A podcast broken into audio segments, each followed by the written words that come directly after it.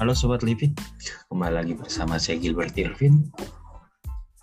Terima kasih sudah setia untuk menunggu uh, video-video atau podcast-podcast dari saya. Hari ini kita akan membahas tentang perjalanan hidup Ki Hajar Dewantara. Ya, Ki Hajar Dewantara kita kenal dengan Bapak Pendidikan Indonesia.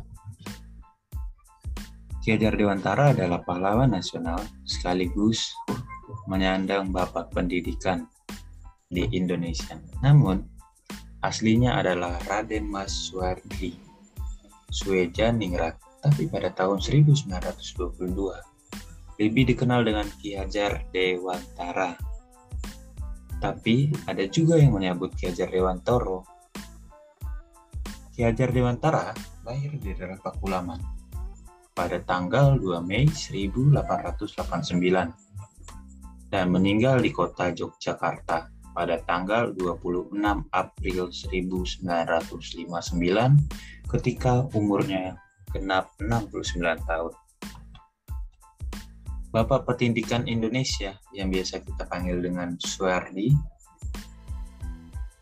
merupakan aktivis pergerakan kemerdekaan Indonesia sekaligus politis volumis dan pelopor pendidikan Bangi Bumi Putra Indonesia ketika Indonesia masih dikuasai oleh Hindia Belanda. Ki Hajar Dewantara merupakan pendiri pergu, uh, perguruan taman swasta, eh taman siswa, suatu organisasi pendidikan yang memberikan kesempatan untuk para pribumi agar bisa mendapatkan hak pendidikan yang setara seperti kaum priai, dan juga orang-orang Belanda. Ki Hajar Dewantara yang lahir pada tanggal 2 Mei kini diper, diperingati di Indonesia sebagai Hari Pendidikan Indonesia. Kini Ki Hajar Dewantara punya tiga semboyan yang terkenal yaitu Ing Ngarso Sung Dulu Doho yang berarti di depan memberi contoh Ingmadya Mangkarso yang berarti di tengah memberikan semangat dan Tutpuri Handayani yang berarti di belakang memberikan dorongan. Salah satu bagian dari tiga semboyan Ki Hajar Dewantara yaitu Tutpuri Handayani menjadi slogan Kementerian Pendidikan Nasional hingga saat ini. Atas jasanya, Namanya juga diabadikan di sebuah nama kapal perang Indonesia yaitu KRI Ki Hajar Dewantara. Potret Ki Hajar Dewantara juga diabadikan di uang kertas pecahan 20.000 pada tahun 1998.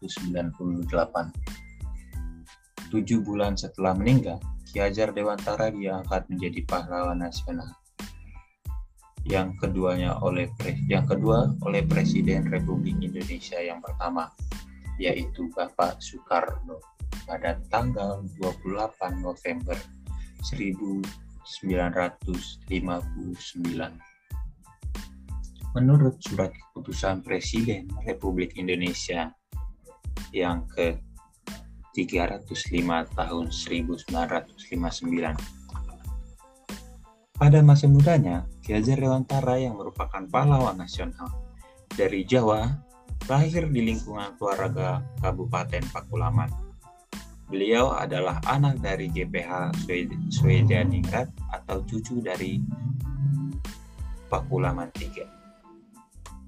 Ia berhasil menamatkan pendidikan dasar di ILS atau semacam sekolah dasar di zaman Belanda Kemudian Hajar Dewantara melanjutkan studinya ke Stovia yang merupakan sekolah dokter khusus putra daerah tetapi tidak berhasil menamatkannya karena sakit.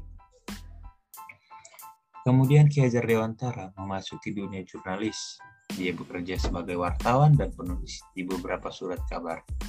Contohnya seperti Miden Java, Swedi Tomo, dan The Express.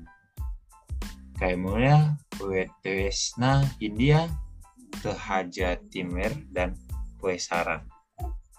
Di hari-hari, ketika berkarir sebagai jurnalis, Ki Hajar Dewantara termasuk penulis yang andal. Tuliskan Ki Hajar Dewantara mudah dipahami, komunikatif, dan penuh dengan semangat anti penjajah. Aktivis pergerakan Ki Hajar Dewantara setelah Kaleten, komitmen, dan ulet Sebagaimana seorang jurnalis muda, Ki Hajar Dewantara muda juga sangat aktif di organisasi sosial dan politik. Ketika Budi Utomo berdiri pada tahun 1908, Ki Hajar Dewantara masuk ke organisasi ini dan dia aktif di bagaimana propaganda untuk melakukan sosialisasi dan membangun kesadaran rakyat Indonesia, khususnya orang Jawa. Bagaimanapun caranya, rakyat Indonesia di waktu itu harus sadar mengenai pentingnya persatuan dan kesatuan dalam bangsa dan bernegara. Kongres pertama Budi Utomo diselenggarakan di Jogja, juga diatur oleh Ki Hajar Dewantara. Selain di Budi Utomo, Ki Dewantara Muda juga sangat aktif di organisasi Insulide. Merupakan Insulide merupakan organisasi multi tenis yang menampung kaum Indo. Tujuannya yaitu menginginkan pemerintahan sendiri di Hindia Belanda. Sebenarnya, idealisme ini dipengaruhi oleh Ernest Dawes Dekker. Ernest Dawes Dekker adalah uh, atau lebih dikenal dengan nama Indonesia itu Denauja Budi adalah seorang keturunan asing yang mengorbar mengobarkan semangat anti kolonialisme. Lalu ketika Donis Dekar memberikan Patrick Rich Ki Hajar Dewantara juga diajak untuk bergabung. Ki Hajar Dewantara saat itu uh, sorry sorry maaf. Biografi Ki Hajar Dewantara. Saat itu pemerintah Hindia Belanda bertujuan untuk mengumpulkan sumbangan dari warga bumi dan ini digunakan untuk merayakan kemerdekaan Belanda pada pada Perancis pada tahun 1913. Atas aksi Hindia Belanda, ini timbulnya reaksi kritis dan golongan berhalu. Perkembangan nasionalisme Indonesia termasuk Hajar Dewantara muda. Wajar saja karena tiga, tingkah Hindia karena tingkah Hindia Belanda sangat tidak tahu dari yaitu mereka merayakan kemerdekaan itu tan tanah bangsa di tanah bangsa yang mereka rebut kemerdekaannya. Ditambah lagi mereka juga mengumpulkan sumbangan dari warga. Ki Hajar Dewantara mudah beraksi dan menulis sebuah artikel yang berjudul Eun for Olen Mad Ok Valen for N atau satu untuk semua tetapi semua untuk satu.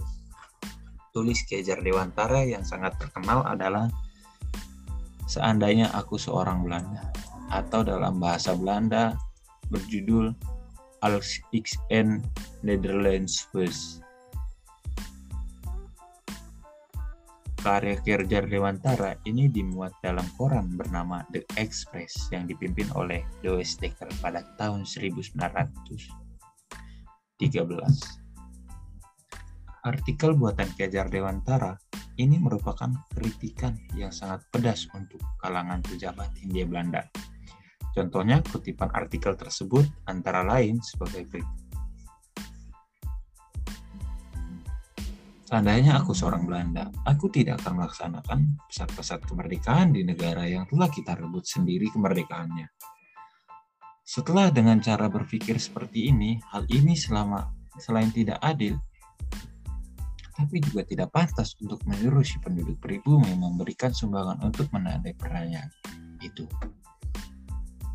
Munculnya ide ini menyelenggarakan perayaan kemerdekaan itu saja sudah merupakan suatu penghinaan dan sekarang kita keruk pula dompet para pribumi. Ayo, tidak apa-apa, teruskan saja penghinaan lahir dan batin ini.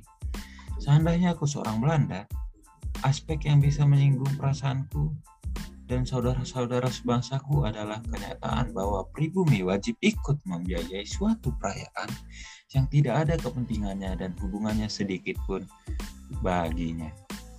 Berikut adalah artikel dari Ki Hajar Dewantara yang berjudulkan Andai yang berjudul Seandainya Aku Seorang Belanda. Beberapa petinggi Belanda awalnya mau meragukan tulisan ini. Beberapa dibuat oleh Ki Hajar Dewantara muda sendiri. Karena gaya bahasa dan isi artikel yang cenderung ber berbeda dari artikel-artikel selamanya selama ini, sekalipun benar bahwa Ki Hajar Dewantara yang muda yang menulis, para petinggi Hindia Belanda percaya ada kemungkinan Louis Dekker mempengaruhi Ki Hajar Dewantara muda untuk menulis secara kritis seperti itu. Karena artikel ini, Ki Hajar Dewantara ditangkap dan atas perintah dari Gubernur Jenderal Edinburgh lalu akan diasingkan ke Pulau Bangka. Sesuai dengan pemerintahan permintaan Ki Hajar Dewantara sendiri, dua rekan Ki Hajar Dewantara, Louis Dekker dan Tecipto Mangko Manguekusumo memprotes keputusan itu. Dan akhirnya mereka bertiga malah diasingkan ke Belanda pada tahun 1913. Ketiga tokoh ini lalu dikenal dengan julukan Tiga Serangkai. Ki Hajar Dewantara muda di kala itu masih berumur 24 tahun. Ketika diasingkan di Belanda, Kezar Dewantara masuk dalam organisasi yang menjadi wadah bagi para pelajar asal Indonesia.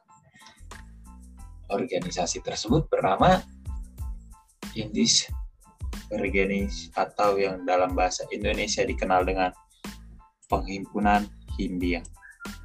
Tahun 1913, Ki Hajar Dewantara mendirikan sebuah biro pers yang bernama Indonesia Pers Berun Berun yang dalam bahasa Indonesia berarti kantor berita Indonesia. Pertama kali ini pengguna formal penggunaan formal dan istilah Indonesia Istilah Indonesia ini dulu diciptakan tahun 1850 oleh seorang ahli bahasa Inggris yang bernama George Winsome Earl dan seorang pakar hukum dari Skotlandia yang bernama James Rickson Logan. Di sini, Ki Hajar Dewantara kemudian memulai impiannya meningkatkan kualitas kaum pribumi dengan mempelajari ilmu pendidikan hingga akhirnya berhasil mendapatkan Euro Europes ke Akta. Europes Akta adalah ijazah bidang pendidikan yang bernilai tinggi dan kelak menjadi landasan untuk memulai institusi institusi pendidikan yang didirikannya. Dalam masa hidupnya, ini Ki Hajar Dewantara tertarik pada beberapa pemikiran sejumlah tokoh pendidikan dari dunia barat. Contohnya seperti Montessori dan Froebel pergerakan pendidikan di Asia Selatan, khususnya India yang dipimpin keluarga Tagore. Pema, pe, Demikian inilah yang mempengaruhi dari dan mendasari Ki Hajar Dewantara dalam mengembangkan atau apa? membanggakan aturan pendidikan nantinya. Mengembangkan pendidikan sorry sorry mengembangkan aturan pendidikan nantinya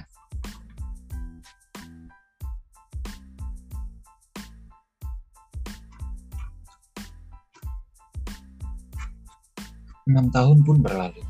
Ki Hajar Dewantara kembali ke tanah air pada bulan September tahun 1919. Segera kemudian ia bergabung dengan Sekolah Bina Saudara pada tanggal 3 Juli 1922 setelah mendapat pengalaman mengajar.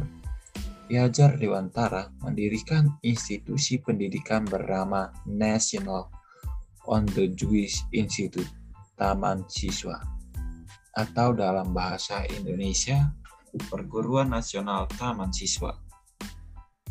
Tiga slogan Ki Hajar Dewantara di sistem pendidikan yang digunakan saat itu sangat dikenal kalangan siswa dan tenaga pengajar di seluruh Indonesia.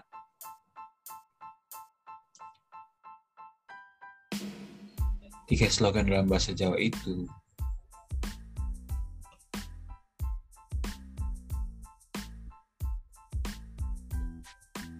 tetap digunakan dalam dunia pendidikan rakyat Indonesia hingga saat ini khususnya perguruan tinggi